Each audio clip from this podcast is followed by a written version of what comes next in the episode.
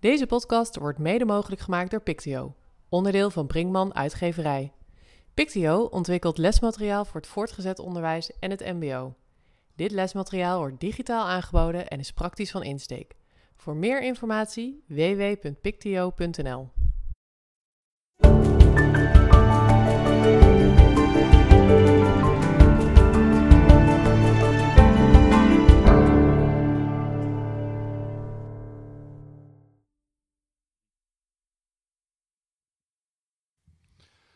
Welkom bij de Pictio Onderwijs Podcast. Mijn naam is uh, Wiet Senise en ik ben hoofd ICT bij Ronduit en ISOP.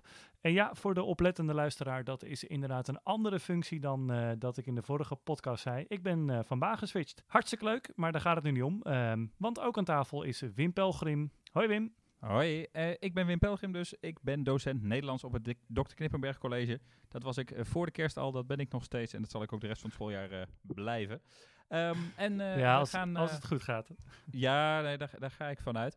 En um, ja, ook in 2020 gaan wij weer de Pictio Onderwijs podcast maken. We hebben ook voor de komende maanden um, de ambitie, de wens en het plezier om een heleboel leuke gesprekken over onderwijs op te nemen.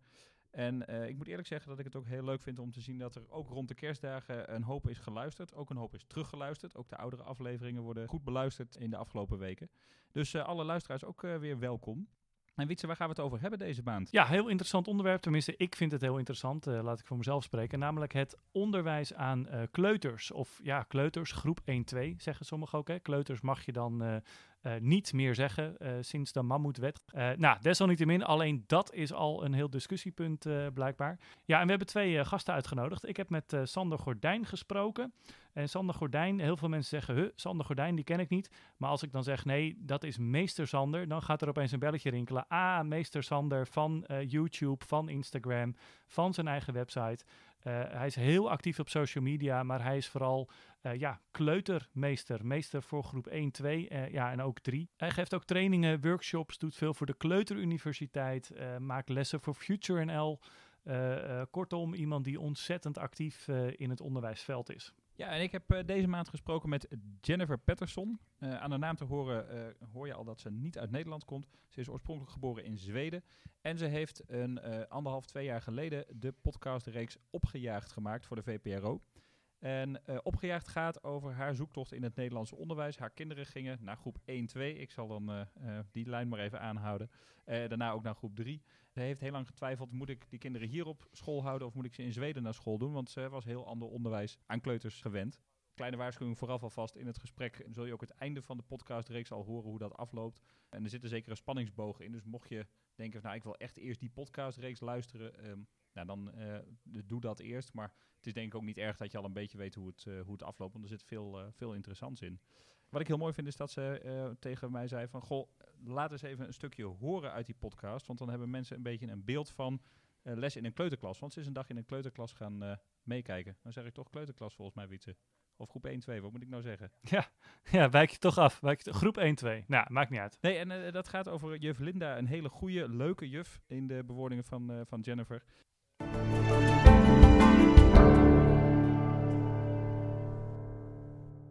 Leg je Toto even in het mandje? Okay. Julian, een jongetje met kort blond haar, legt zijn beertje weg en gaat bij zijn moeder op schoot zitten met de vingers in de mond. Kom maar binnen, het went vanzelf. Hij lijkt eerder twee dan vier en zit in de nulgroep, nieuw in de klas. Goedemorgen. Hij is niet de enige.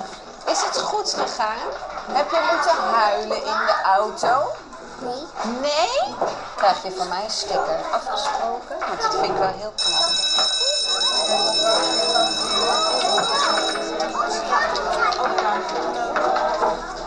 De ouders kussen hun kinderen gedag. En ineens verandert de sfeer. Uh, mannen, waarom duurt het zo lang? En Shema, ga zitten. Zeg, uh, Emani, zal ik jou eens een keer op een uh, tiendaagse opruimcursus sturen? Dat duurt toch altijd lang bij jou? Emani is een jongetje met kort zwart haar en een mooi gezicht. Hij zal vele waarschuwingen krijgen vandaag. En ook straf. Oké, okay, één, twee en de laatste tel hint is... Drie. Nee. Lukt het? Lukt het, Erva? Ja? Benen onder tafel. Eén, De juf telt af. twee, De kinderen zitten keurig recht met de armen over elkaar en kijken voor zich uit. drie. Ze zijn doodstil. Imani steekt een vinger op, maar de juf negeert die. Ook Evie zal haar vinger meermalen opsteken, net zolang tot haar hand moe wordt. Dan ondersteunt ze hem met de andere arm. Uiteindelijk komen de handen vanzelf weer omlaag. Later vraagt de juf waarom de kinderen die hun handen opsteken niet aan het woord komen. Je kan het hebben over het weer en dan kan een kind zo zitten en die zegt dan van... We hebben gisteren pannenkoeken gegeten. Dus soms gaat het ook helemaal nergens over. En eh, ik weet wel welke kinderen er altijd wat willen vertellen. Of het nou bij het onderwerp aansluit of niet. En soms zeg ik gewoon even zo van nu niet. Dan komen ze wel buiten naar me toe om hun verhaal kwijt eh, te kunnen. Het is dus niet de bedoeling dat ze hun handen opsteken. Er is immers geen tijd om iedereen individuele aandacht te geven. Het is ook gewoon lastig, want eh, ja, je hebt altijd het gevoel dat je kinderen tekort doet.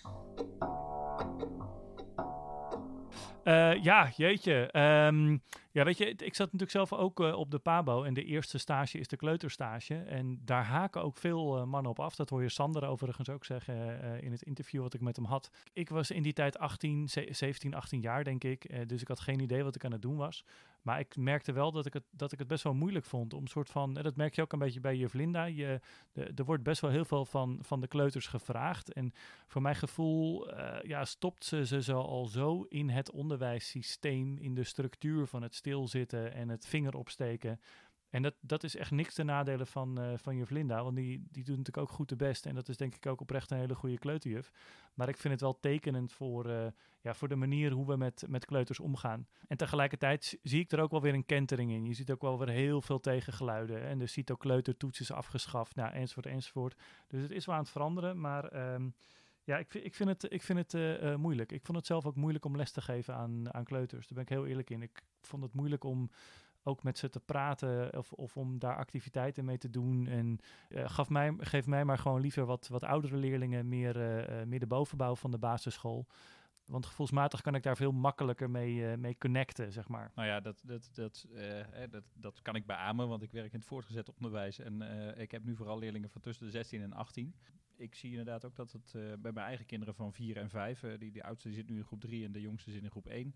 Ja, die, kleuter, dat, kleuterjuffen, eh, we hebben geen kleutermeesters helaas bij ons op school, maar daar wordt inderdaad veel van gevraagd. We hebben een aantal hele goede bij ons op school rondlopen. Eh, maar inderdaad, je moet heel veel, je moet sociaal-emotioneel een boel, je moet intellectueel kijken waar die kinderen staan, of ze al naar groep 3 kunnen of daar nog niet aan toe zijn. Die kinderen ontwikkelen zich razendsnel, dus het is een, een hele boeiende leeftijd die, veel, eh, die veel vraagt. En ik denk dat we dat soms ook wel eens onderschatten. Eh, de, de, de kleuterleidster, de, naam, eh, de oude naam zeg maar, die zegt het al bijna, wordt misschien minder serieus genomen dan eigenlijk wel zou moeten. Want daar wordt een heleboel van de interesse en het enthousiasme voor het onderwijs ook eh, en, en de latere ontwikkeling volgens mij al, eh, ja, dat de, zaadjes daarvoor worden dan geplant. En ehm, het zou zonde zijn als we dat, eh, als we dat in Nederland niet goed, eh, niet goed doen en daardoor leerlingen krijgen die in de rest van het onderwijs dingen missen en eh, niet, eh, niet daardoor komen. Ja, nee, zeker waar. Eh, het mooie aan Sander is, die ziet daar ook een onwijs eh, uitdaging in. En ja, die is er zo enthousiast voor. En ik, weet je, ik denk ook dat het goed is als we nu... maar, ja, maar gewoon lekker gaan luisteren. Eerst, eerst krijgen we Sander te horen en die geeft een hele mooie inleiding op wat kleuteronderwijs eigenlijk is en wat het doel daarvan is. Maar ook hoe hij dat op zijn school aanpakt. En dat is toch best wel een bijzondere aanpak, dat zou je zo wel horen. Ja, en daarna het, verhaal van, eh, van Jennifer, haar zoektocht eh, in het Nederland- Nederlandse onderwijssysteem als... eh, eh, ja, iemand die, die vanuit een ander onderwijssysteem komt. Wat is eigenlijk het, doel van, van het onderwijs eh, aan de kleuters of aan groep 1-2? Nou, volgens mij dat je ze ehm, met heel veel plezier sowieso naar school laat gaan, met plezier laat leven en met plezier laat leren. Dat vind ik het belangrijkste. En dat ze daarin, ehm, nou ja, merken dat ze steeds iets nieuws kunnen en dat ze zelf ook doelen kunnen stellen en dat ze door kunnen naar wat, ja, ze kijken naar grote mensen op, ja, dat, dat ze leren dat zij dat ook gaan kunnen. En die stappen, dat vind ik het belangrijkste eigenlijk. En dan kun je zeggen, ja, ze moeten die cijfers leren of ze moeten die misschien wel letters leren. Maar dat zie je dan vanzelf komen, omdat ze intrinsiek willen ze leren lezen. Elke kleuter kijkt naar zijn ouders en denkt, dat wil ik ook. Dus voor je gevoel, als ik het goed begrijp, het is een beetje het eerste stapje in de soort van echte eh, wereld, min of meer. En dat moet vooral een veilige landing zijn. Ja, en dat je ze dus door spel, eh, dat je in een, verhaal meeneemt en dat je ze eh, de wereld laat, ja, samen laat ontdekken, met jou als gids eigenlijk. En daarin ja, ehm, ben je als leerkracht heel bepalend, want jij bent een van de gezichten ehm, die het kind heel veel ziet. Naast zijn ouders, of soms zien ze je nog meer eh, dan de ouder, ja, ga jij ervoor zorgen dat het kind ehm, een grotere wereld krijgt. En helemaal in die leeftijd van vier tot zes jaar dan ontwikkelt dat zich van ik naar wij en samen. En ze kunnen ze ook dingen gaan delen misschien wel. En kun- zien ze dat er meer is dan hun eigen huis en de school. En kan je een voorbeeld geven, hoe, hoe, hoe ziet dat er dan uit in jouw klas?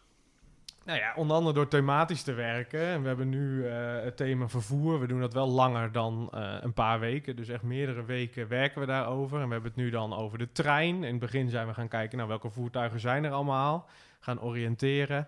En uiteindelijk kwam daar de interesse in de trein uit. En hoe werkt dat dan uiteindelijk? Kinderen stellen zelf vragen.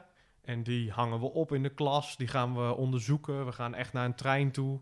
We gaan binnenkort met de klas naar Utrecht, naar het Spoorwegmuseum vanuit Meppel met de trein. En ook gewoon met de vierjarige ouders mee. En de wereld, eh, ja, dus dan samen ontdekken. En dan komt dat ook weer terug in de klas. Door met karton of met dingen een hoek te bouwen. En een deel doe ik dan, maar ook een deel doen die leerlingen.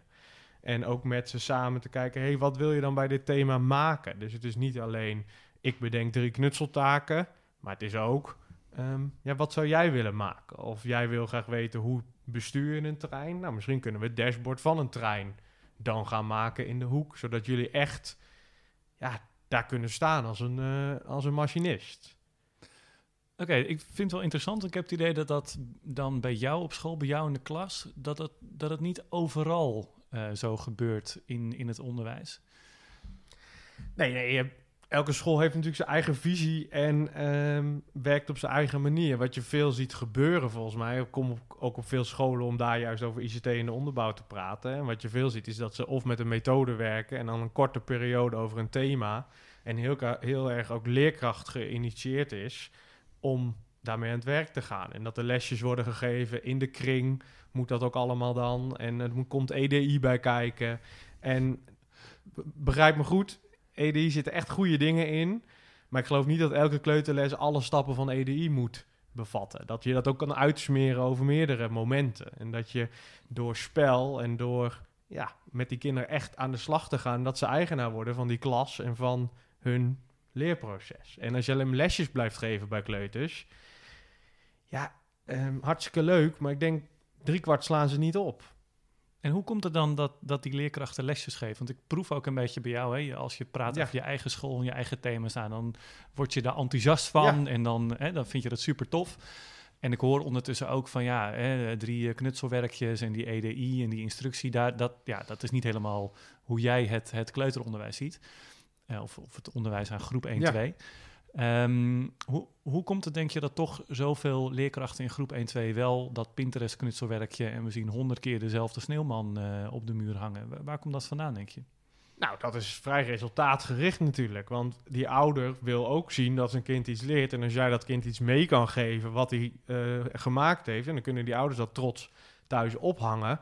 En ehm, vinden ze fantastisch. Of een heel plakboek vol maken, die, maken de leerkrachten voor die kinderen. Plakken ze alles in, krijgen ze alles mee.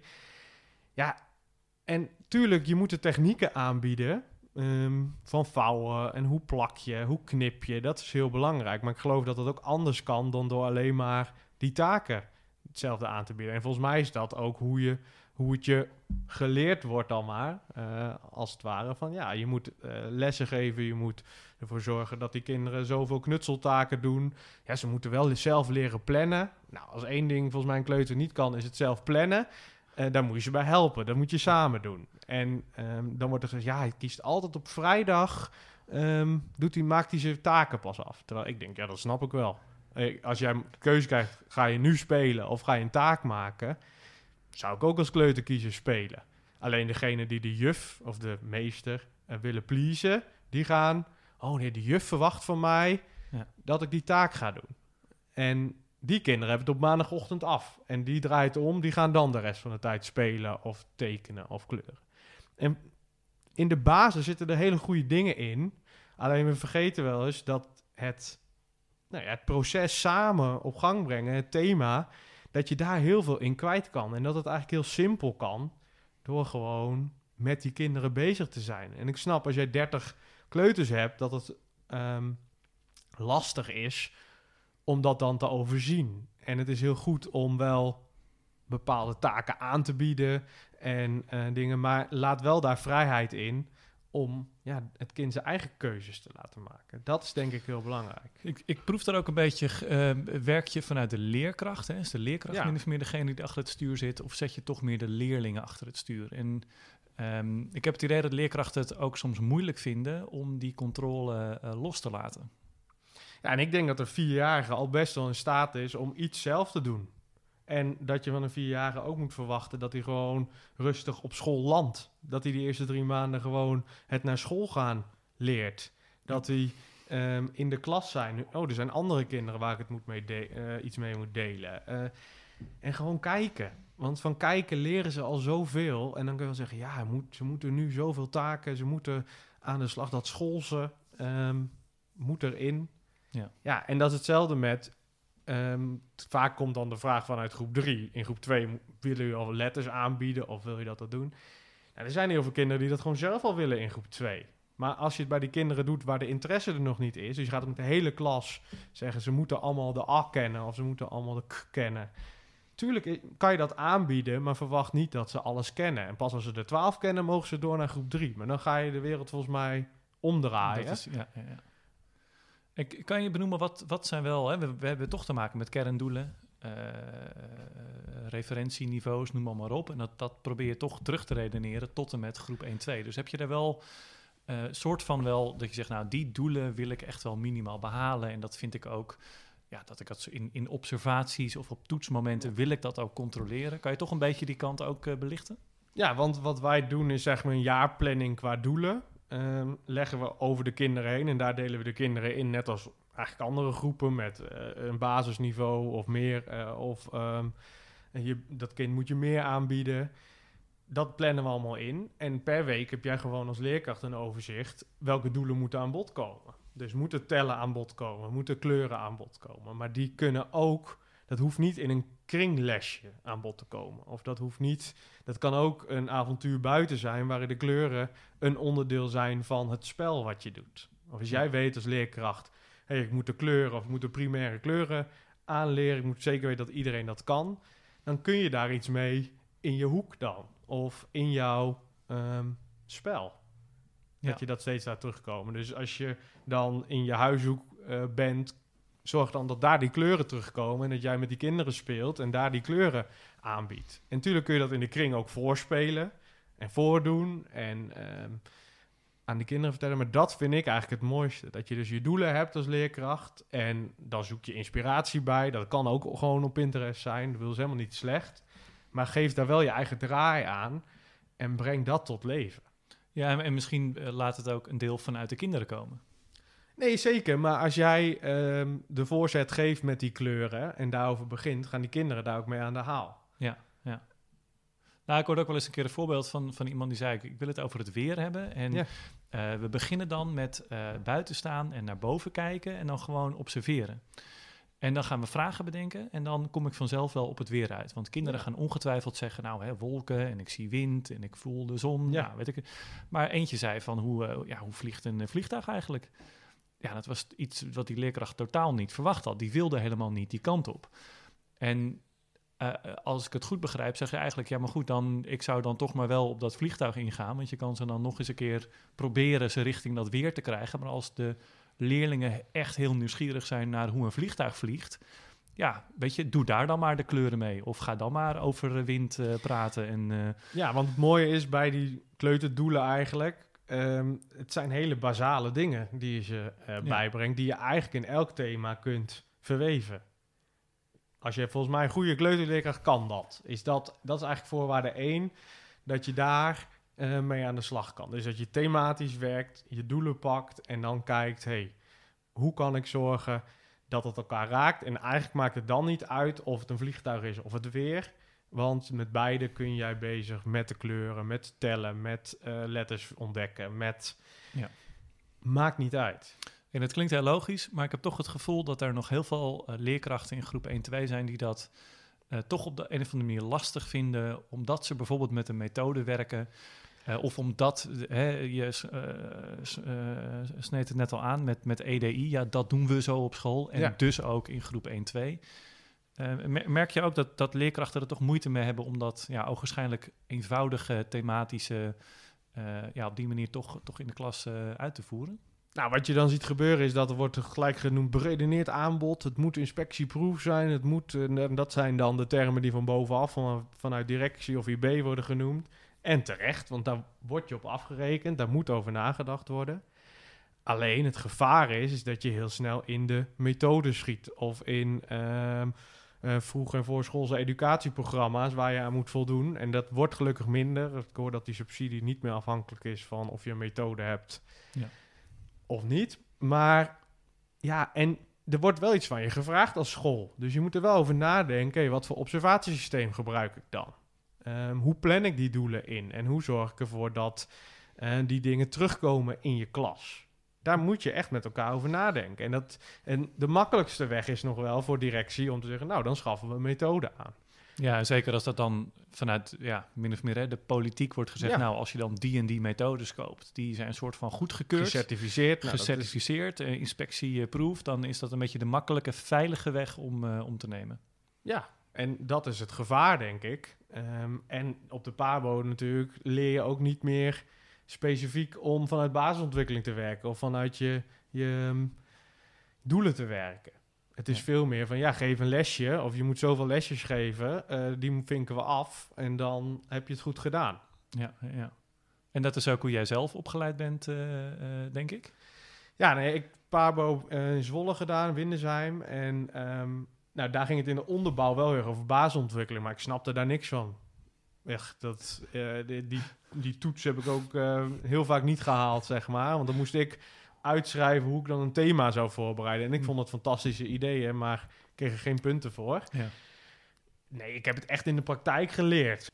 En als ik het zo hoor, dan is daar een, een, een, een beetje een beweging gaande in de, in de loop der tijd, waarbij eigenlijk eh, ja, tot een aantal jaar geleden aan groep 2 gevraagd werd van hey, doe eens wat meer zoals groep 3 het doet. Hè. Ga eens wat meer met Ja. letters en cijfers en die lesjes en het klassikale. En hoor ik je nu eigenlijk zeggen van ja, nu is juist de beweging haast een beetje andersom. We vragen de eh, groep 3 leerkrachten om juist nog wat langer mee te gaan in dat thematisch werken en dat eh, hè, ontwikkelingsgerichte eh, werken. Nee, daar zie je gewoon in Nederland wel dat dat aan het gebeuren is. Dat er plekken zijn, eh, hier in Meppel heb je dan ook Doe Vrijdag. Die zijn ook, ik ga ook veel naar buiten en zij dachten, ja, hoe kunnen we dat met een methode doen? Wat ze doen is elke vrijdag een uur lang buiten de doelen oefenen die ze in die week ehm, hebben aangeboden op Ja. papier. Maar dan gewoon buiten met zoekkrijt, met kaartjes en lekker aan de slag gaan. Ja, en dat zijn voorbeelden van, ehm, ja, hoe voer je dat nou wel in een methodisch werken? Hoe kan je dan toch, nou ja, spelen met die kinderen, spelletjes doen, ervoor zorgen dat ze op die manier kunnen werken? En er zijn steeds meer voorbeelden gelukkig dat dat gebeurt. Maar ik hoor ook ehm, voorbeelden dat er scholen zijn waarbij kinderen in groep 2 al 20 letters moeten kennen voor ze naar groep 3 mogen. Ja, dan slaan ze de eerste twee eh, hoofdstukken van de methode over, want die zijn te makkelijk. Ja, dan vraag ik me wel af waar je mee bezig bent. Want Ja, dan zorg je er dus voor dat de toetsresultaten omhoog gaan. Het resultaat is dat uiteindelijk CITO gaat kijken of welke toets je ook hebt. Van hé, hey, maar er zijn veel meer leerlingen die een A scoren. Nou, dan krijg je dus dat de normering verzwaard wordt. En gaan we alles nog veel moeilijker maken. Want ook dat is, als je naar 1985 kijkt... Ja, wat moest een kind toen kunnen?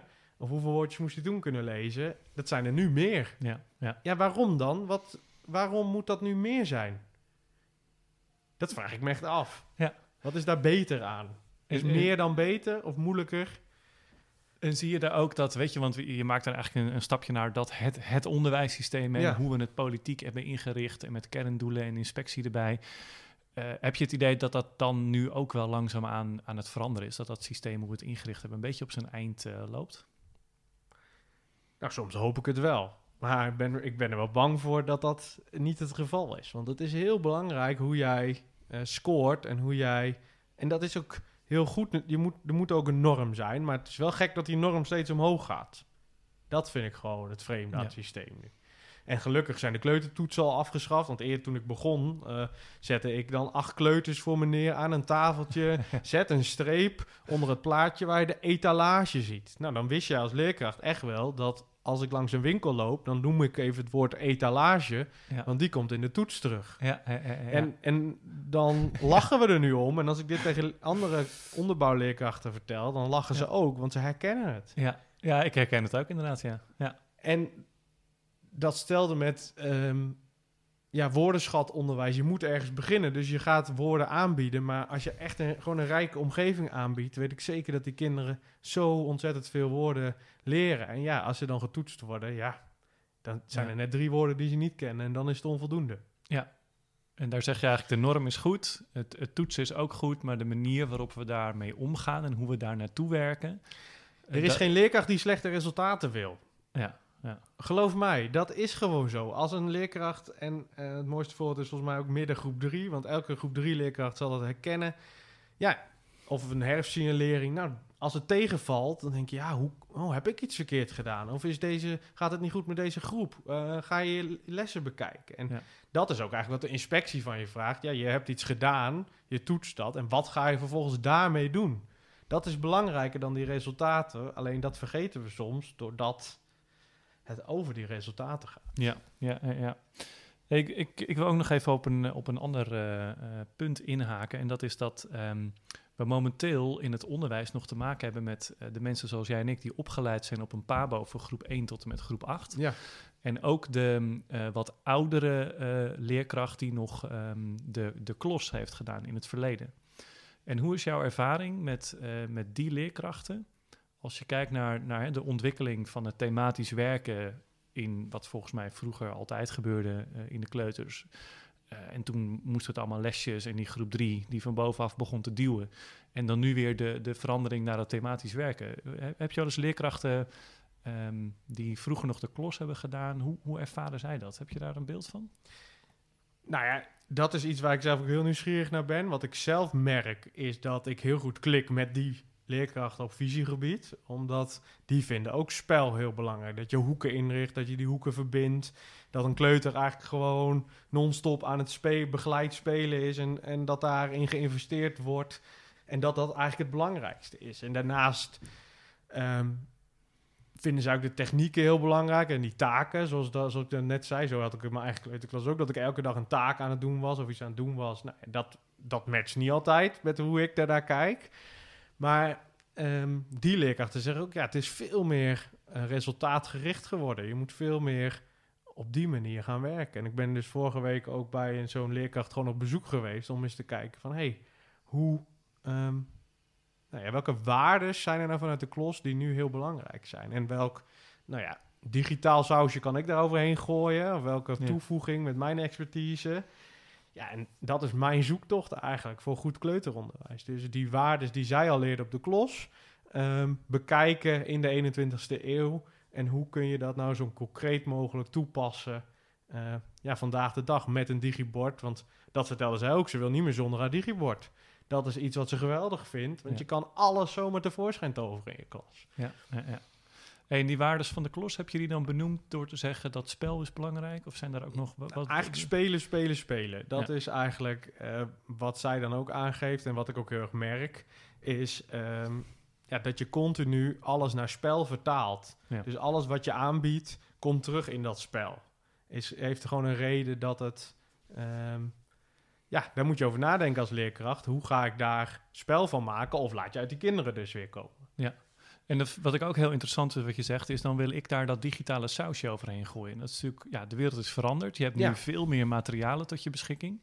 Kan je daar voorbeelden van noemen hoe je dan die waardes van de klos en dat digitale met elkaar eh, verbindt? Nou ja, wat het gevaar is als je digitale dingen gaat implementeren, dat zijn we net met Snap het ook, is dat je ehm, blijft doen wat je deed, maar dan eh, een scherm toevoegt. Maar Ja. volgens mij wat je moet doen, is naar je onderwijs kijken. Dus je bent met spel bezig, je bent dingen aan het creëren. Want dat is ook een, nou, als je de taxonomie van Bloem kijkt, crea- creatie is, het zit daar het hoogste in. Daar leer je schijnbaar het meest. Tuurlijk moet je die andere ook aanbieden, maar dat is heel belangrijk. En ik probeer dat te combineren. Dus iets wat bestaand is, eh, een spel in een hoek, te verrijken met dan een tablet waar dan bijvoorbeeld die kassa-app op staat. Waardoor dat spel herkenbaar wordt. Want de kinderen komen bij de Albert Heijn, Jumbo, ehm Deen, maakt niet uit. Kunnen zelf scannen. Of zien dat de cashier bliep, bliep doen. En dan staat er in de klas een houten kassa. Ja, dat is natuurlijk niet eh, hoe het nu vandaag de dag is. Die houten kassa lijkt op de kassa van 50 jaar geleden. Ja, ja. En door dat te veranderen, door te zeggen... hé, hey, maar je kunt die kassa, eh, je kunt een iPad naar neerleggen... en ehm, die als kassa gebruiken... ja, dan verrijk je het spel, volgens mij. Dus dan wil je, je, je wil het spel wel eh, zoveel mogelijk laten matchen met de echte wereld. Ja, je hebt natuurlijk ook heel veel ontwikkelaars die eh, spellen maken ehm, of oefeningen maken voor kleuters die ze gewoon achter het schermpje kunnen doen. Natuurlijk kun je dat soms aanbieden, net als soms een werkblad kan voor sommige kinderen heel goed zijn, maar Ja. niet, ik zou dat niet de lijn maken die jij volgt. Dus dat is memory op de iPad heeft totaal geen zin. Doe dan gewoon memory in het echt. Dat is wat je dan bedoelt. Ja, en dan misschien wel met een augmented reality sausje of met iets waardoor het tot leven komt. Ja. Of, ehm, Het moet digitaal moet een toevoeging hebben. Ja. Ja. En tuurlijk snap ik dat je soms een app, een memory app van Sinterklaas, dat je denkt, ach leuk, laten we dat toepassen. Maar weet dan wel dat dat niet de manier is om ICT echt heel goed in te zetten. In die kassa in de, in, in, de, in, de, in de hoek, dat is een heel mooi voorbeeld. Kan je nog eens zo'n exemplarisch voorbeeld geven hoe je dat dan doet? Nou ja, dat je ehm, dus ook, ik ben heel erg van eh, tablets gebruiken, omdat je die mee kan nemen. Je kan ermee op pad, dus ook gewoon kinderen foto's laten maken. En daarvan wil je misschien een spelletje maken of die foto's weer printen. Dus je gaat ergens naartoe eh, met de kleuters. Ik hoop dat je, als je een kleuterklas hebt, dat je gewoon elk thema of op pad gaat of iemand de klas inhaalt.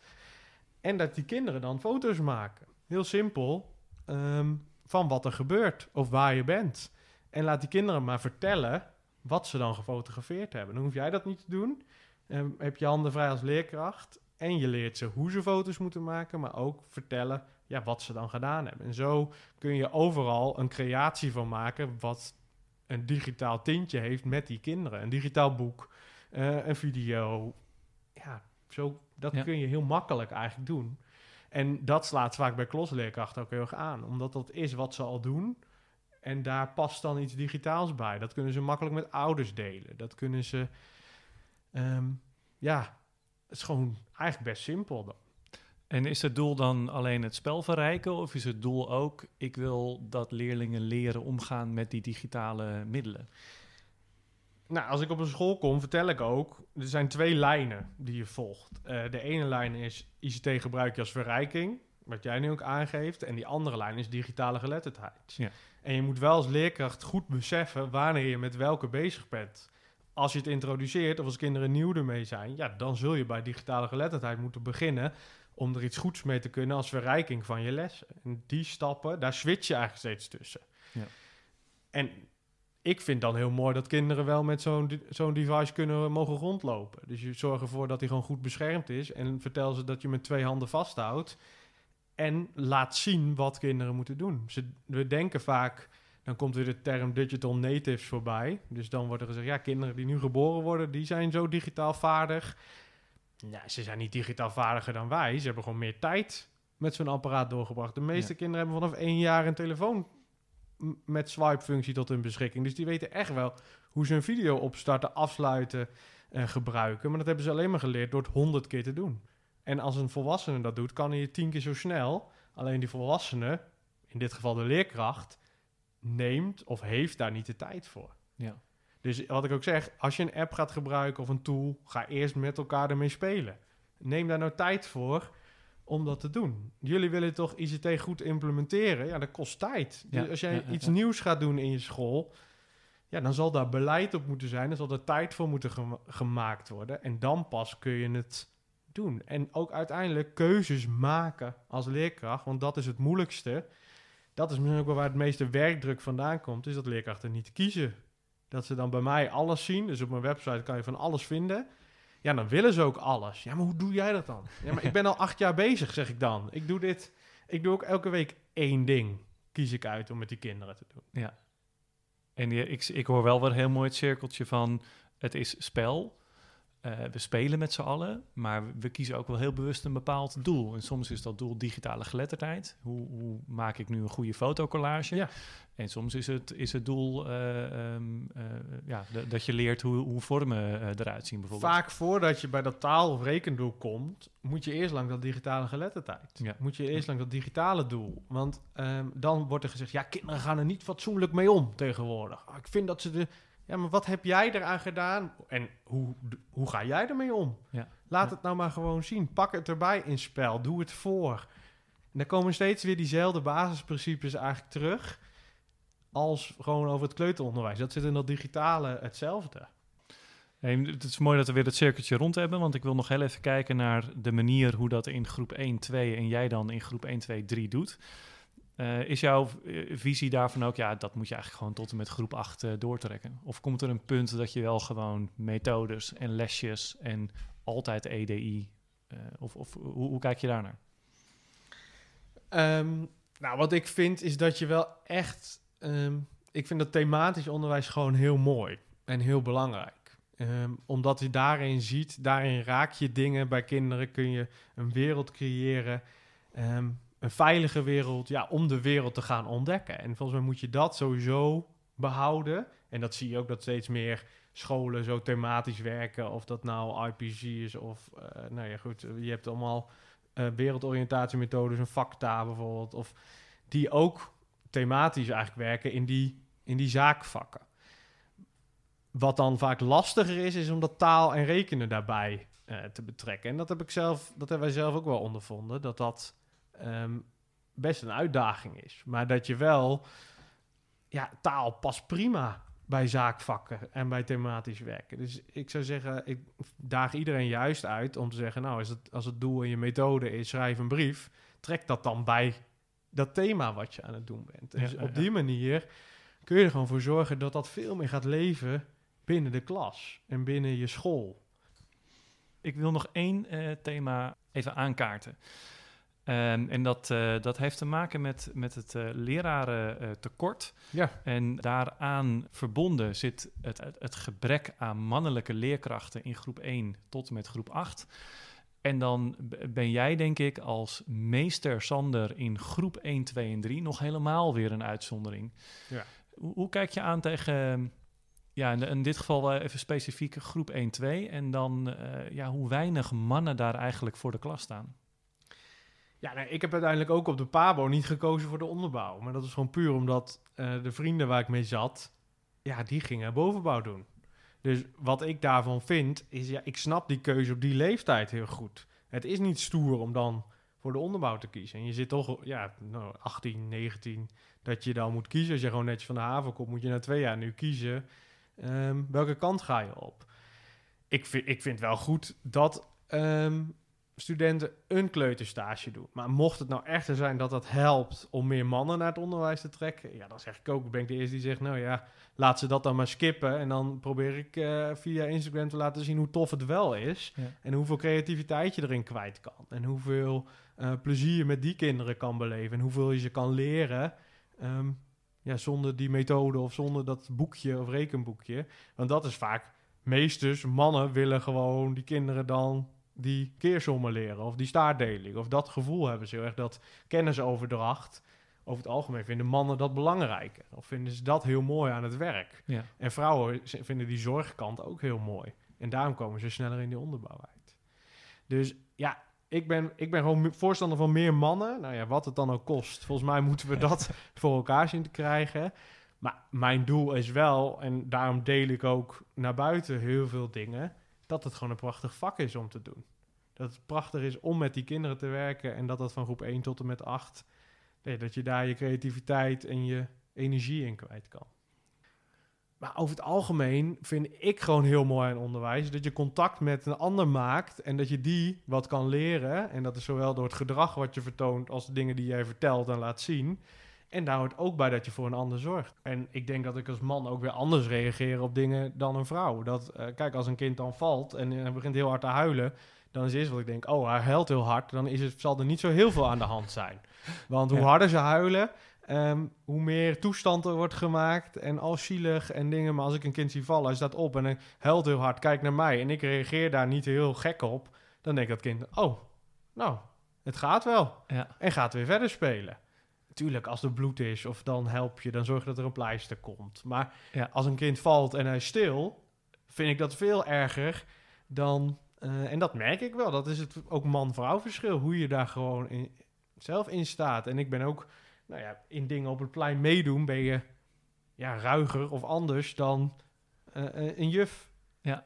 En dat is ook mooi juist. En daarvoor is het juist zo belangrijk dat we meer mannen krijgen, zodat die jongens en meiden ook, ook op een andere manier worden aangesproken. Want dat is, de onderwijscultuur is natuurlijk ook heel vrouwelijk geworden.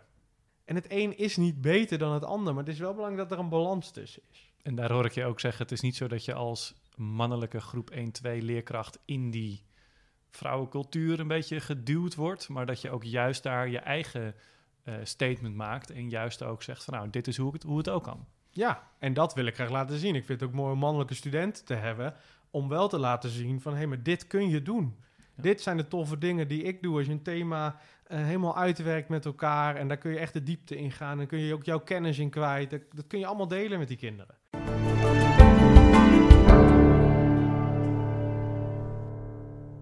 Kun je vertellen wat opgejaagd is?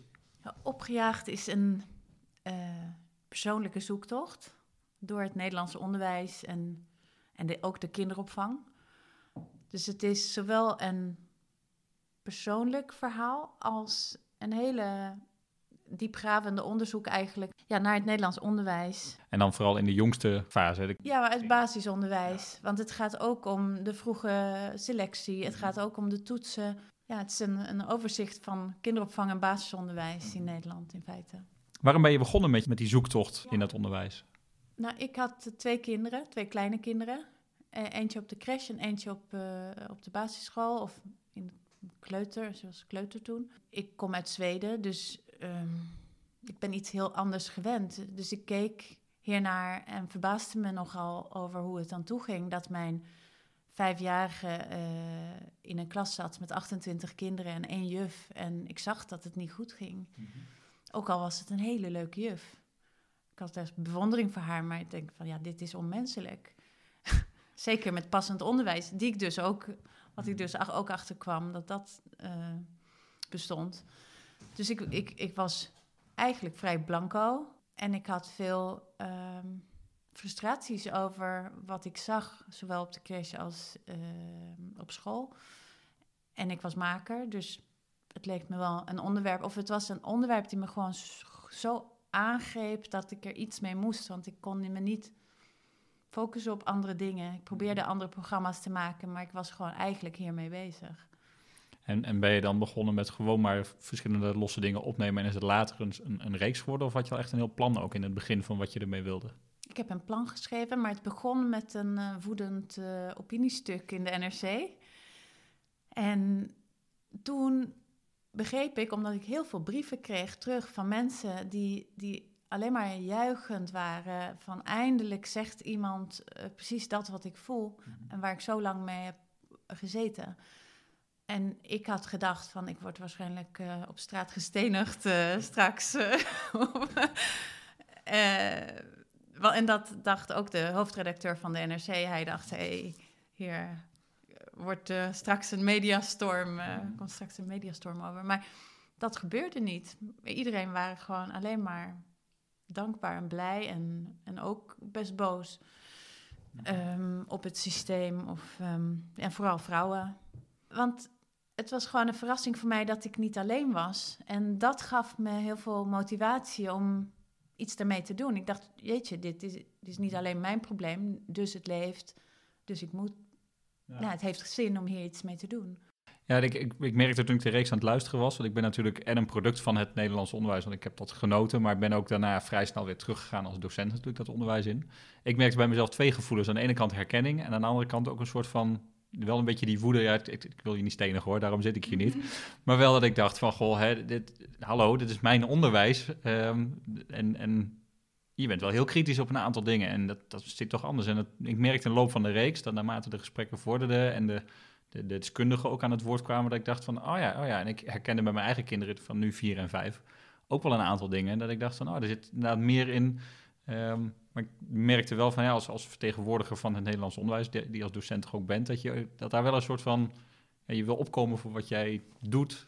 Ehm, terwijl je aan de andere kant ook ziet, ja, ik zie ook allerlei dingen waarvan ik denk, dat kan anders of moet anders. Dus dat, eh, dat vond ik wel heel mooi aan de reeks. En aan het persoonlijke dat er ook wel, uh, wel in zit sommige mensen hebben dat ook teruggegeven van in, in het begin dacht ik dat je gewoon zo'n zeurmoeder was. En uh, dat zegt een vriendin ook van mij, uh, dat zij dat ook dacht. En, um, um, maar uiteindelijk, ik denk dat in het begin ging het vooral om mijn eigen problemen. Maar uh, naarmate de, de serie vorderde, deed ik meer en meer journalistiek onderzoek. En dat was ook fijn voor mij, want dan kon ik mijn eigen sores een beetje vergeten. Mm -hmm. Doordat ik gewoon heel erg indook in de materie. En ik ging naar scholen in Dronten en in, overal in Nederland. Um, dus het, de serie veranderde denk ik ook een beetje naarmate ik meer onderzoek deed. Maar uh, ik denk wat ook heel erg hielp, is dat mijn man zo'n Nederlander is, die hier is opgegroeid in het Nederlands systeem en dat prima vond. En net als veel anderen zei van ja, maar ik heb het overleefd, dus onze kinderen zullen het wel, ook wel overleven. Ja. Maar ik dacht, ja, maar overleven is toch niet ons hoogste doel met het onderwijs. We hebben toch meer ambities dan dat. Ja, en het, het grappige is dat je aan de andere kant ook ziet dat Nederlanders, Nederlandse kinderen bij de gelukkigste kinderen van de wereld uh, horen. Dus heb je, heb je een idee hoe, de, hoe die ja, soort tegenstrijdigheid ja, dat... er toch kan zijn in Nederland? Oh, zeker. Ja, iedereen haalt dat onderzoek van Nederlandse kinderen zijn de gelukkigste. Maar als je kijkt naar dat onderzoek, wat ze hebben onderzocht, is dat niet alleen onderwijs. Onderwijs is een heel klein deel van wat ze hebben onderzocht. Het gaat om gezondheid en het gaat om uh, of je ontbijt samen met je gezin wel of niet. Het gaat over broers en zussen. Het gaat over heel veel uh, aspecten. En als ze dan uh, onderzoek onderzoeken, zijn er twee criteria's die tellen. En dat is hoe vroeg begint je met onderwijs? Nou, dat is in Nederland heel vroeg. Of dat goed is of niet, dat weet ik niet. Hè? En het tweede criterium is hoe hoog scoren ze? Uh, wat zijn de PISA-resultaten? Nou, die zijn ook hoog. Uh, maar betekent niet dat kinderen daarvan gelukkig worden per se. Misschien worden ze juist gelukkig van heel veel andere aspecten die in dat on onderzoek uh, naar voren komen. Of ik denk dat een van de factoren is dat de Nederlandse vrouw uh, zoveel in parttime werkt. Want ja, dat, daarom is je moeder vaak thuis of haalt je van school, hoef je niet naar de BSO. Um, heb je een soort veiligheid um, en veel contact met je ouders. En de Nederlandse man is natuurlijk ook veel meer aan het zorgen nu dan vroeger. Uh, en dan heb je andere aspecten, zoals eigenlijk is het gebrekkige, de gebrekkige eh, kinderopvang doet bijvoorbeeld dat kinderen uh, verzorgd worden door hun ouders en door opa's en oma's. Dus ze hebben heel veel contact met uh, familie. Doordat het systeem niet zo mhm. goed in elkaar zit eigenlijk. Ja. Je noemde zo tussen neuslippen door al wat verschillen ook met Zweden of met andere landen. Wat, wat zijn nou de grootste verschillen die, je, die er zijn tussen het Nederlands onderwijs en het Zweedse onderwijs of, of opvoedingssysteem? Wat ik heb gezien. Ik heb zelfs een keer alles op een rijtje gezet. Dus ik haal even bij mij, ik ga het niet voorlezen of zo. Maar nee, eh, het belangrijkste denk ik is dat in Zweden, um, omdat ik heb vooral gekeken naar Zweden, omdat ik daar veel mee vergeleek, vergeleek omdat het een persoonlijke zoektocht was. Uh, of ik nou zou verhuizen naar Zweden, of wel of niet met mijn gezin. Uh, in Zweden is het systeem aangepast op het kind. En hier moet het kind zich aanpassen aan het systeem. Dat is een heel groot verschil. Dus in Zweden kijken ze heel erg naar uh, de ontwikkeling van het kind. Wat heeft het kind nu nodig in die fase van zijn leven? Um, en uh, dat zag ik bijvoorbeeld op de voorschool. Dus zij beginnen uh, voorschool als ze één jaar is, zijn. Het is anders dan de crash, want ze leren eigenlijk veel meer. Het is niet alleen maar zorgen. En, um, en, en, ze werken heel erg kindgericht. Van, um, kinderen komen met onderzoeksvragen die ze dan samen op een bijna wetenschappelijke manier uitzoeken van is dat nou een peer of is het een sinaasappel? Nou, laten we dat onderzoeken. Laten we naar de winkel gaan. Gaan we kijken. Of uh, laten we op internet uh, opzoeken of wat dan ook. Um, ze deden zelfs chemische experimenten en zo toen ik er waren. Heel mm. grappig. Um, dus kinderen. Um, maar oké, okay, dus uh, kindgericht of systeemgericht. Uh, en dan heb je een ander verschil. Um, of, of dat hoort erbij. Er is veel meer aandacht per kind. Kleinere klassen, kleinere groepen, meer um, en hoger opgeleid personeel bijvoorbeeld. Um, en uh, een heel groot verschil is dat ze daar beginnen toetsen als kinderen rond negen jaar zijn. Beginnen de echte CITO-toetsen. Uh, en hier begint dat als je vijf bent. Ja. Ja, ik weet het. Mijn dochter heeft ook de eerste CITO-toetsen gehad vorig jaar. Dus dat, en die was toen vijf. Dus dat ja. uh, is inderdaad heel anders. Het wordt nu afgeraden, ja. zelfs van de onderwijsinspectie, om dat te doen. Maar scholen gaan dus... Ja, ze zijn bij ons gestopt in groep 1. Omdat daar, daar was ook in groep 1 een CITO-toets. Oh. Uh, en daar zijn ze mee gestopt van nou, we beginnen echt op het moment dat ze naar groep 3 gaan... willen we wel even weten waar staan ze. Maar dat is het enige wat we doen. Ja. En dan doen we, één, uh, doen we één keer en dan is het klaar. Maar inderdaad, die kanteling zie je zeker wel. Ja, er is wel een kanteling gaande. Maar sommige, um, nou ja, de toetsen, sommige kinderen vinden de toetsen heel leuk, maar het heeft ook andere onbedoelde effecten. Misschien bijvoorbeeld dat je heel erg gericht wordt op juist die vakken waarin getoetst wordt. Dus uh, andere vakken worden onbelangrijk of er is geen tijd meer voor en ook geen geld voor, zoals creatieve vakken. En dat zie je ook in Zweden, dat muziek. Uh, en tekenen, al dat soort dingen, dat is nog steeds heel belangrijk. Uh, en beweging. En dat, dat is jammer dat hier wordt daar heel erg op bezuinigd. Terwijl je ziet, ik zag toevallig net een film van de BBC vanochtend over een school die heel slecht scoorde. Maar sinds dat ze uh, muziek hebben omarmd en een fulltime muziekdocent hebben aangetrokken, zijn ze een van de beste scholen geworden in Engeland. Um, een van de 2% beste in rekenen en zo. Omdat, uh, ja, kinderen moeten gewoon plezier hebben in school ja. om goed te kunnen scoren. Ja. Wat is nou het belangrijkste dat je hebt geleerd door het maken van deze serie? Want je begon met een persoonlijke zoektocht en, en, en ja, frustratie. En, en uh, je zei, ik was er heel erg mee bezig uh, op dat moment. Uh, wat heeft het je gebracht, het maken van Opgejaagd? Nou, ik begrijp nu het Nederlandse systeem heel goed. En ik ken het Zweedse systeem ook uh, best goed inmiddels. Um, ik zie ook nu de voordelen. Ik bedoel, er is ook iets voor te zeggen van dat ouders meer tijd doorbrengen met hun kinderen bijvoorbeeld. Dus in Zweden heb je zo'n goed systeem dat uh, ouders alles overlaten aan de overheid. Want de professionals doen het gewoon veel beter dan de ouders. en, en, en, en crash is gratis en een school is ook gratis en, en de BSO is ja, al nagenoeg gratis. Um, dus kinderen zien hun ouders opeens heel weinig en de ouders werken allebei fulltime. Mm. Hier jammer dat uh, het alleen maar neerkomt op de vrouw om die zorgtaken op zich te nemen, maar hopelijk gaat dat veranderen ik heb veel geleerd over de Nederlandse cultuur ook mhm. Hier, mee en over de Nederlandse mentaliteit. En er zijn ook andere dingen die heel mooi zijn, waarom ik ook hier nog steeds ben, denk ik. Ik zie dat Nederlandse kinderen bijvoorbeeld veel socialer zijn. Uh, ook omdat ze, er is niet een gescheiden kindwereld en een volwassen wereld, maar kinderen doen veel meer mee. Um, ze gaan mee de winkel in en er is meer contact tussen generaties. Ja. Uh, dat soort dingen zijn mooie dingen. Maar oké, okay, ja, heb ik dat nou geleerd van opgejaagd? Ja, door hiermee bezig te zijn. Ja. Heeft het je heeft ook de, de rust gebracht misschien die, uh, die je ook nodig had? Ja, ja, dat is, dat is natuurlijk, het heeft me zoveel gebracht persoonlijk. Het heeft lang geduurd, omdat ik eerst die podcast maakte. maar uiteindelijk zijn we verhuisd en zijn de kinderen gaan naar een andere school. Uh, en de kinderen zijn hartstikke blij. Ik dacht, er is nog iets anders wat ik heb geleerd. Eh, en dat is eh, dat je compromis, compromis moet sluiten.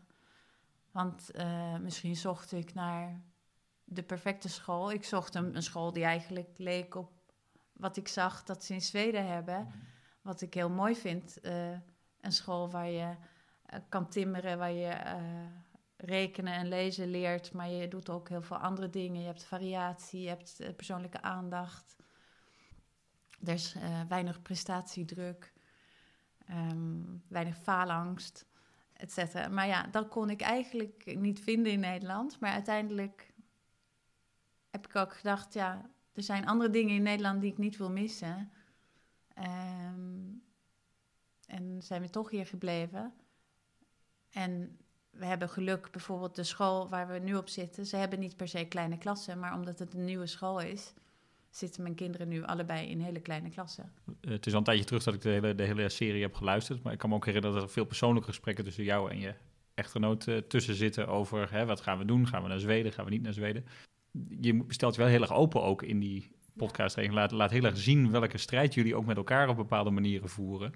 Is dat een strijd die, die je ook bij andere ouders hoort? Of ziet of is dat echt iets wat, omdat je uit Zweden komt, dat beïnvloed heeft? Of hoor je dat ook van andere ouders terug, dit soort zoektochten en strijd over van ja, hoe gaan we dat doen en wat, wat is het beste voor onze kinderen? Ja, ik denk dat heel veel ouders in de stad hebben eh, een strijd met elkaar of, of, of ze zijn roerend met elkaar eens. Maar het is toch altijd de vraag, gaan we in de stad blijven of gaan we eh, naar buiten toe? Waar de kinderen meer ruimte en meer rust en zelf naar school kunnen fietsen of dat soort dingen. En dat merk ik ook heel veel. Ik heb veel brieven ontvangen. En mensen die ook door opgejaagd la- een laatste, hun laatste, een laatste setje hebben gekregen om, om die stap te durven wagen. En wat doet dat met jou als je dan dat soort brieven krijgt? Nou, ik voel me dan een beetje verantwoordelijk. Gewoon van help, ik hoop wel dat het goed gaat. Als jij nou minister van Onderwijs mocht zijn morgen, wat zou je veranderen aan het Nederlands onderwijs? Misschien in dat kleuteronderwijs vooral, maar misschien wel breder. Wat, wat, wat, zou er, wat zou er anders kunnen of moeten? Ja, ik zou investeren in onderwijs. Ja, dat, dat, daar begint het denk ik mee. Maar, maar het is ook, het huidige systeem denk ik is niet helemaal goed. Omdat het dus niet aangepast is op het kind. Dus ik zou ook wel het programma veranderen. Eh, maar, maar eigenlijk eh, hoeft er niet, je hoeft het niet helemaal op de schop, denk ik, eh, te doen. Sommige mensen willen het gewoon helemaal vanaf nul eh, opbouwen. Dus afbreken en opbouwen. Maar ik denk, nou, er moet wel een soort mentaliteitsverandering zijn, ook eh, bij de docenten. Ik denk dat het belangrijk is om te werken van een soort vertrouwen. Vertrouwen dat, het, dat kinderen het wel kunnen. En, en dan hoef je niet zoveel te toetsen en zoveel te pushen. Want als ze daar klaar voor zijn, dus als je ontwikkelingsgericht werkt, dan, dan is het een fluitje van een cent om sommige dingen te leren. Zoals taal, zoals leren lezen en rekenen. Dat gaat dan vanzelf. Maar ik denk dat eh, onderwijs ook veel eerder begint. Dus het begint al bij een eh, betaalbare kinderopvang. Waar je niet alleen maar eh, in een bedje gelegd wordt eh, en ze alleen ligt te huilen of eh, gevoerd wordt en verschoond wordt. Maar dat er ook. Sorry, ik, ik weet dat heel veel kinderopvangen hun best doen en heel, hele mooie dingen doen. Maar in het algemeen scoren de kinderopvang in Nederland heel slecht. Qua kwaliteit. Ehm, dus, want sommige kinderen beginnen school pas als ze vier zijn en dan spreken ze geen Nederlands. Dus je moet die schoolonderwijs eerder beginnen. Maar dan op een mooie manier, niet, op, een, niet, niet eh, op een hele haastige, heigende manier van help. Anders gaan ze niet goed scoren, goed genoeg scoren. Of anders gaan onze PISA-resultaten omlaag. Ja, en wat ik, wat ik altijd heel opvallend vind, ik, ik heb een jaar of tien geleden eh, meegeschreven aan een tekst over de zesjescultuur in het, in het Nederlandse onderwijs. Dus de conclusie was van, ja, we- iedereen gaat voor het zesje en we, we, we excelleren niet. En ik hoor nu, en dat, dat zie ik op meer vlakken, ook in mijn eigen middelbare school waar ik werk, maar ik hoor jou dat eigenlijk ook zeggen van, ja, we zijn te heigerig en te pusherig en we willen te veel. Dus Dat is blijkbaar in een jaar of 10, 12 is dat omgeslagen van, van zesjescultuur naar te hard pushen en, en faalangst en te veel toetsen. Heb, heb jij een idee waar, waar die omslag dan vandaan komt? Ja, ik denk dat het komt uit de koker van de onderwijsinspectie eh, of, of, of het ministerie van Onderwijs. Want ja, zij begonnen met het opbrengstgericht werken. En dat zie je dan terug. We hadden een juf die de klas helemaal niet aankon. En ze vertelde dat ze strenger en strenger moest worden en alle leuke dingen moest schrappen, want het was uh, niet te doen met die klas. En ze moest op, opbrengstgericht werken, ze moest resultaten boeken, dus ze was helemaal in paniek. Uh, mm -hmm. Ja, dus die paniek wordt gezaaid ergens en het zijpelt zo door naar de, naar de leerlingen. Dat iedereen elkaar onder druk gaat zetten om targets te halen. Misschien is dat dan wel, als je minister zou zijn, de allereerste taak van we gaan in het ministerie de, de, de targets eens ergens anders uh, neerleggen. Ja, targets um, naar beneden schroeven en, uh, en ook andere, andere vakken inbrengen op school die niet alleen maar leuk zijn, maar die gewoon goed, goed zijn voor, voor de ontwikkeling en voor het kritisch nadenken, voor het creatief denken. Het is heel eenzijdig en heel monotoon en dat is heel erg jammer. En ik hoor je uh, zeggen aan de ene kant van in de kinderopvang moeten, hè, zou het fijn zijn als ze meer deden dan alleen maar voor de kinderen zorgen, maar ook een, een stukje leren, ontwikkelen uh, doen. Um, dat lijkt een beetje in tegenspraak met we willen niet te vroeg en te hard beginnen met leren. En dus, dat is hoe makkelijk dat is tegen, om, om, ja, dat klinkt om verkeerd te begrijpen ja, hoe, hoe ik dat bedoel. Maar uh, wat ik dus zag in Zweden op de kinderopvang, zo'n groepen van uh, zes kinderen met één juf, uh, die hele leuke projecten deden. terwijl vaak op de kinderopvang hier zie je kinderen doelloos rondlopen, huilend, niemand die tijd heeft om, om daar iets mee te doen. Um, dus het begint weer met geld voor genoeg uh, krachten, uh, genoeg individuele aandacht kunnen geven. Maar ook een curriculum en een visie van hoe kan je kinderen, kinderen goed stimuleren. Um, en um, er moet ook een omslag komen bij ouders. Ik weet dat mijn vriendin in Zweden werd, was heel erg boos op haar crash, omdat haar kleine dochter van twee of drie letters had geleerd op de crash. Ze vond, dit is veel te vroeg. Wat zijn jullie mee bezig? Mm um, van, er zijn zoveel andere dingen die, die ze kunnen leren. Ja. Um, en ouders hier hijgen mee en zijn ook gestrest van... wat er gaat er met mijn kind gebeuren als die geen uh, goed advies krijgt straks... Uh, dus ik denk, dat is ook een belangrijk ding wat ik zou doen. Ik zou de selectie later maken. En dat is ook heel erg goed voor de kansarme kinderen die al een twee jaar achterstand of vier jaar achterstand hebben opgelopen in het begin van hun leven. Want als je 15, 16 bent, dan heb je ook meer invloed. Dus als je denkt van, hé, hey, ik wil dat studeren, je hebt meer inzicht in wat je zelf wil. Dus dan kan je ook hard voor je cijfers gaan werken. Dan zit die intrinsieke motivatie beter dat kan ik zeker beamen. Dat uh, vanuit mijn eh, VO-ervaring, uh, voortgezet onderwijservaring, van inderdaad, er zijn leerlingen die pas bij 16 doorkrijgen van hé, hey, maar dit kan ik. Uh, en een aantal leerlingen al die via MAVO, HAVO naar VWO opgeklommen zijn, omdat ze inderdaad met een taalachterstand de school binnenkwamen en dat in de loop van de jaren ingelopen hebben. En als ze misschien later geselecteerd waren, al eerder de, de, de voor hen juiste route misschien hadden gevonden. Ja. Uh, hoewel ik ook wel heel veel respect heb voor die mensen die het gewoon en door blijven knokken om naar de universiteit te gaan. Ja. Uh, dus maar is het makkelijk om op te klimmen? Uh, dat wisselt. En dat wisselt heel erg per school. De ene school selecteert wel, zeg maar, van goh, je mag naar de HAVO als je een 7 hebt voor alle vakken of dat soort dingen. Terwijl andere scholen zeggen, kom maar, iedereen krijgt een kans.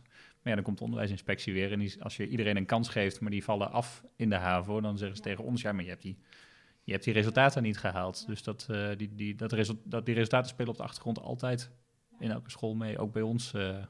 en we zijn een excellente school, dus wat dat betreft doen we het heel goed. Maar ja, als de resultaten wat inzakken, dan is dat het eerste waar de inspectie weer naar gaat kijken. Van hé, hey, hoe kan dat? En uh, hoe is dat nu met de, met de toetsing dan in de, in de school waar je dochter of dochters naartoe gaan? Ja, die moeten ook CITO-toetsen doen, maar die uh, doen niet evenveel. Dus je hebt ik heb het uh, uitgerekend in opgejaagd hoeveel toetsen uh, een basisschoolkind doet in zijn basisschoolcarrière. En dat was, ik kan, weet nu niet het exacte cijfer, maar ze hebben meer dan 300 toetsen in ieder geval. Um, maar, maar dat hoeft niet. Want alleen maar de CITO-eindtoets is verplicht. Alhoewel, dat klopt niet helemaal, want je moet ook... Je moet de voortgang ook bijhouden. Ja, en dat kan alleen via toetsen helaas. Ehm, en, maar ja, ik denk dat ze meer vertrouwen hebben in de kinderen en eh, ze toetsen minder. Maar dat ehm, is per school afhankelijk. En ik weet ook niet hoe onze school, die is, die is maar twee jaar oud, dus ik weet niet hoe ze scoren. ik heb geen precies. idee of de kinderen iets leren. maar dat is ook weer vertrouwen hebben dan in de school dat daar de mensen het goede... Ja, want staan ik te zie doen. ook dat de leraren die voor de klas staan, die zijn ontzettend gepassioneerde, getalenteerde mensen die allemaal piano spelen en zingen en ehm, eh, ze kunnen zoveel. En ze zijn zo gepassioneerd. De Laila's docent ging helemaal naar. Ze hebben een project over het Rijngebied. Nou, in de zomer is hij dan daar geweest en heeft hij water gehaald van de bron van de Rijn. En, ehm, ja, dus het zijn mensen die met hart en ziel bezig zijn met hun vak. Ehm, en, en, en dat zie je niet altijd op een gewone basisschool. Ja. Ehm, jammer genoeg. Maar dat heeft ook te maken met dat je zo onder in de knel komt met wat je zelf goed vindt en wat je moet doen. Dat is gewoon een enorme discrepantie tussen die Ja. twee dingen. Dus dan sla je de, de passie van die leraar ook helemaal teniet. Ja. Ik kwam een, ehm, een eh, eh, leerkracht tegen, een andere moeder die, die leerkracht bleek te zijn. En zij heeft een klas eh, drie. En zij zei, ja, ze had gewoon medelijden met haar eigen, de, de kinderen in haar klas, want ze waren zo moe en ze moesten zoveel. En ze kwamen zo weinig buiten. Eigenlijk hadden ze maar een kwartier pauze per dag, behalve de lunchpauze. En denk van, maar, maar, hè, maar is dat effectief om dat zo in te richten? Zij nee. Maar ja, ik kan er niks aan doen, want dit is wat ik moet doen. En ik heb gestopt om zelf dingen te vinden, want dat kan gewoon niet.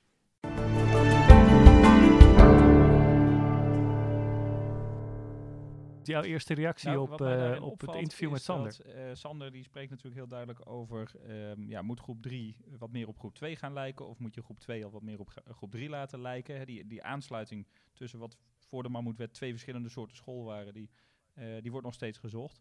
Maar het grappige is dat je dat op heel veel plekken volgens mij ziet. Eh, bij ons op, eh, op de knip in, eh, in Helmond hebben we nu het domeinonderwijs. Eh, een manier ehm, om kinderen in de brugklas en tweede klas, en wellicht ook derde klas volgend jaar, anders les te gaan geven dan het traditionele 50 minuten lessen. En daarin zijn we ook aan het kijken van, hè, kunnen we de middelbare school wat meer op de basisschool laten lijken. Ja, Ehm, ja. tussen klas 3 en 4, HAVO, VWO hoor je dat ook altijd. Hè. Moeten we de derde wat meer op de vierde al laten lijken of andersom. Ehm, dus een interessante discussie die volgens mij op heel veel plekken speelt. En eh, Sander heeft er wel een hele duidelijke mening in ook. Ja, weet je, ik, ik kom toch ook steeds weer terug in al die discussies, of het nou curriculum.nu of digitale geletterdheid of, of eh, onderwijs aan kleuters. Ehm, je merkt gewoon dat het hele onderwijssysteem, voor mijn gevoel, komt dat gewoon een beetje piepend en krakend eh, tot stilstand. Eh, en curriculum.nu probeert daar dan ook weer een draai aan te geven. Nou, het is, het is misschien een beetje eh groots en meeslepend, maar ik denk dat je wel de spijker op zijn kop slaat. Wat mij nog opvalt in de discussie, de, eh, die ik bijvoorbeeld op Twitter ook zie komen, nu van de week er een, een, een voorstel is gedaan om een brede onderbouw in de middelbare Ja. school in te voeren. Ehm, is dat je ziet dat er allerlei docenten en, en opiniemakers op reageren met ja, maar hè, de- laten we nou eindelijk eens rust nemen in het onderwijssysteem en ehm, eh, er is een lerarentekort, laten we dat eerst oplossen. Terwijl je ziet dat er ook een heleboel van dit soort structurele problemen in het systeem zitten. En ik denk dus juist, nee, laten we niet met z'n allen nu stil gaan staan en eh, pleisters blijven plakken. Maar die, die, inhoudelijke discussie moeten we met elkaar blijven voeren, los van het feit dat er ook gewoon eh, meer leraren bij moeten en er financiële problemen zijn enzovoort. Ehm, dus die, die discussie moeten we voeren. Dat is natuurlijk ook wat je Sander hoort zeggen, hè, van dat onderwijs aan kleuters. Dat, dat kan je voor jezelf ontzettend aantrekkelijk maken als je er ook een beetje de ruimte voor zoekt. En juist voor mannen kan dat, eh, ja, kan het echt een onwijs toffe manier zijn om, eh, om daar invulling aan te geven. Dus eh, ook een beetje kip-ei verhalen. Ga je eerst meer leerkrachten zoeken en dan het eh, systeem op zijn kop zetten? Of ja, ga je er nu gewoon al soort van eigenwijs, eh, zoals Sander eigenlijk doet op zijn manier... ehm, ja, daar gewoon op een eigen manier mee om en maak je het daarmee aantrekkelijker. Nou, ik, ik weet niet of we de kip of het ei moeten doen, maar het- we moeten er in ieder geval over blijven nadenken en praten met z'n allen. En misschien moeten we gewoon allebei wel doen. Ja, ja. En nog even eh, het gesprek met Jennifer, wat ik daar wel mooi vond, was ehm, ja, dat, die zoektocht van iemand die het systeem niet kent. eh, daar best wel eh, ja, ook kritiekpunten op heeft. Ehm, maar toch met, wel met heel veel respect voor de mens die, voor, die het moet doen voor de klas blijft praten, zeg maar. Hè? Zo van enerzijds best wel kritiek op, op je Vlinda, maar anderzijds ook, ja, die arme vrouw kan er eigenlijk ook niet zoveel aan doen. En dat vond ik ook wel, ja, vond ik, vond, ik, vond ik mooi van Jennifer, dat ze dat toch, eh, je, je kan als je wil het onderwijs en, en de juf en de meester helemaal afbranden. Ehm, en dat doet Jennifer niet. Ze, ze benoemt het wel, maar wel met eh, ja, een soort van eh, respect of zo. Dat, vind, dat vond, ik mooi om te merken. Ja, en ik, ik vind het heel mooi. En dat, eh, hè, wij, ma- wij maken natuurlijk een heel ander soort, soort programma met z'n tweeën. Maar dat je ziet dat ze er ook haar hele persoonlijke emotie en haar persoonlijk gevoel in die hele serie ook, eh, ook heeft gelegd. Ehm, waardoor je als, eh, als luisteraar, en zeker, eh, en dat, dat benoem ik op een gegeven moment in dat gesprek ook, van hè, het raakte mij als docent ook. Ik, ik heb bijna het gevoel dat ik me moet gaan verdedigen voor, voor hoe wij het doen. Want ja, wij zijn natuurlijk product van het systeem dat we hier hebben. Ik werk zelf, eh, ja, ik ben, ik ben eigenlijk mijn hele leven in het onderwijs geweest. Na mijn, na mijn middelbare school gaan studeren en direct na het studeren weer stage gaan lopen en voor de klas. Ehm, dus je, je, je bent zo verweven met dat systeem bijna, dat het ook wel eens goed is. Hè, dat, dat, dat, kost misschien, hè, dat schuurt misschien een beetje, maar daardoor krijg je wel een beter beeld van... Ja, maar let op, doe een stapje dan naar buiten en kijk eens terug naar binnen en zie dan waar je mee bezig bent. Dus dat vond ik ook wel een hele mooie en fijne manier eh, van, van eens naar jezelf kijken. Ik kan me voorstellen dat luisteraars ook eh, ja, hi- hier iets van vinden en denken, nou, ik zou ook wel eens mee willen praten. Nou, zo letterlijk nu in de uitzending eh, gaat dat helaas niet, maar ik vind het altijd leuk als je iets laat weten. Ehm, wat jou is opgevallen of, of ook onderwerpen waar je zegt, nou, daar wil ik het graag over hebben. En we zijn op een aantal plekken te vinden. Facebook bijvoorbeeld, eh, Onderwijs eh, eh, Podcast is dan de Facebookgroep. Ehm, Instagram vergeet ik altijd, dus help me even Wim. Dus het onderwijspodcast. En daar hebben we inmiddels de magische grens van 250 volgers bereikt. Dus dat is hartstikke fijn. En hopelijk worden dat nog heel veel, heel veel meer.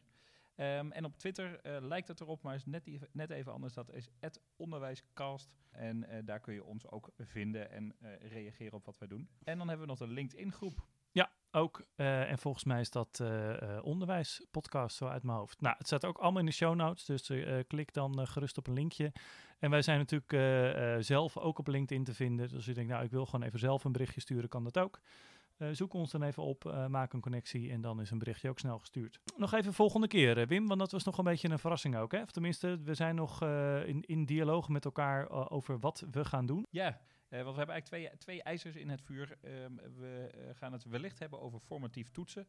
Volgens mij een super interessant onderwerp. En komt dat niet volgende maand, dan komt het daarna wel terug, want die gesprekken worden sowieso opgenomen. En we hebben ook nog hè, onze sponsor Pictio, daar wilden we ook graag nog een keer mee in gesprek. Eh, over wat die, eh, die aan het doen zijn in het onderwijs. Dus eh, wellicht gaan we ook daar volgende maand of vlak daarna daar aandacht aan besteden. Super, ik ben benieuwd wat het wordt, Wim. Ja, ik ook. maar net als de luisteraars gaan wij het volgende maand weer horen. Want we zijn er ook dit jaar dus elke maand weer. De Pictio Onderwijs Podcast. En mocht je in je podcast-app nu denken... Goh, ik kan hier sterretjes, duimpjes of een andere reactie achterlaten. Doe dat ook vooral, want dan wordt onze podcast nog weer vaker gevonden... voor mensen die dit ook zouden willen luisteren. Bedankt voor het luisteren en tot de volgende keer. Tot de volgende keer.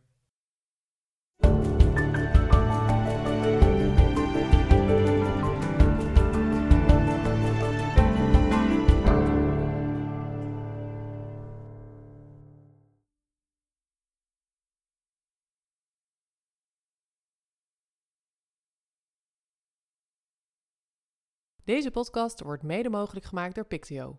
Voor meer informatie www.pictio.nl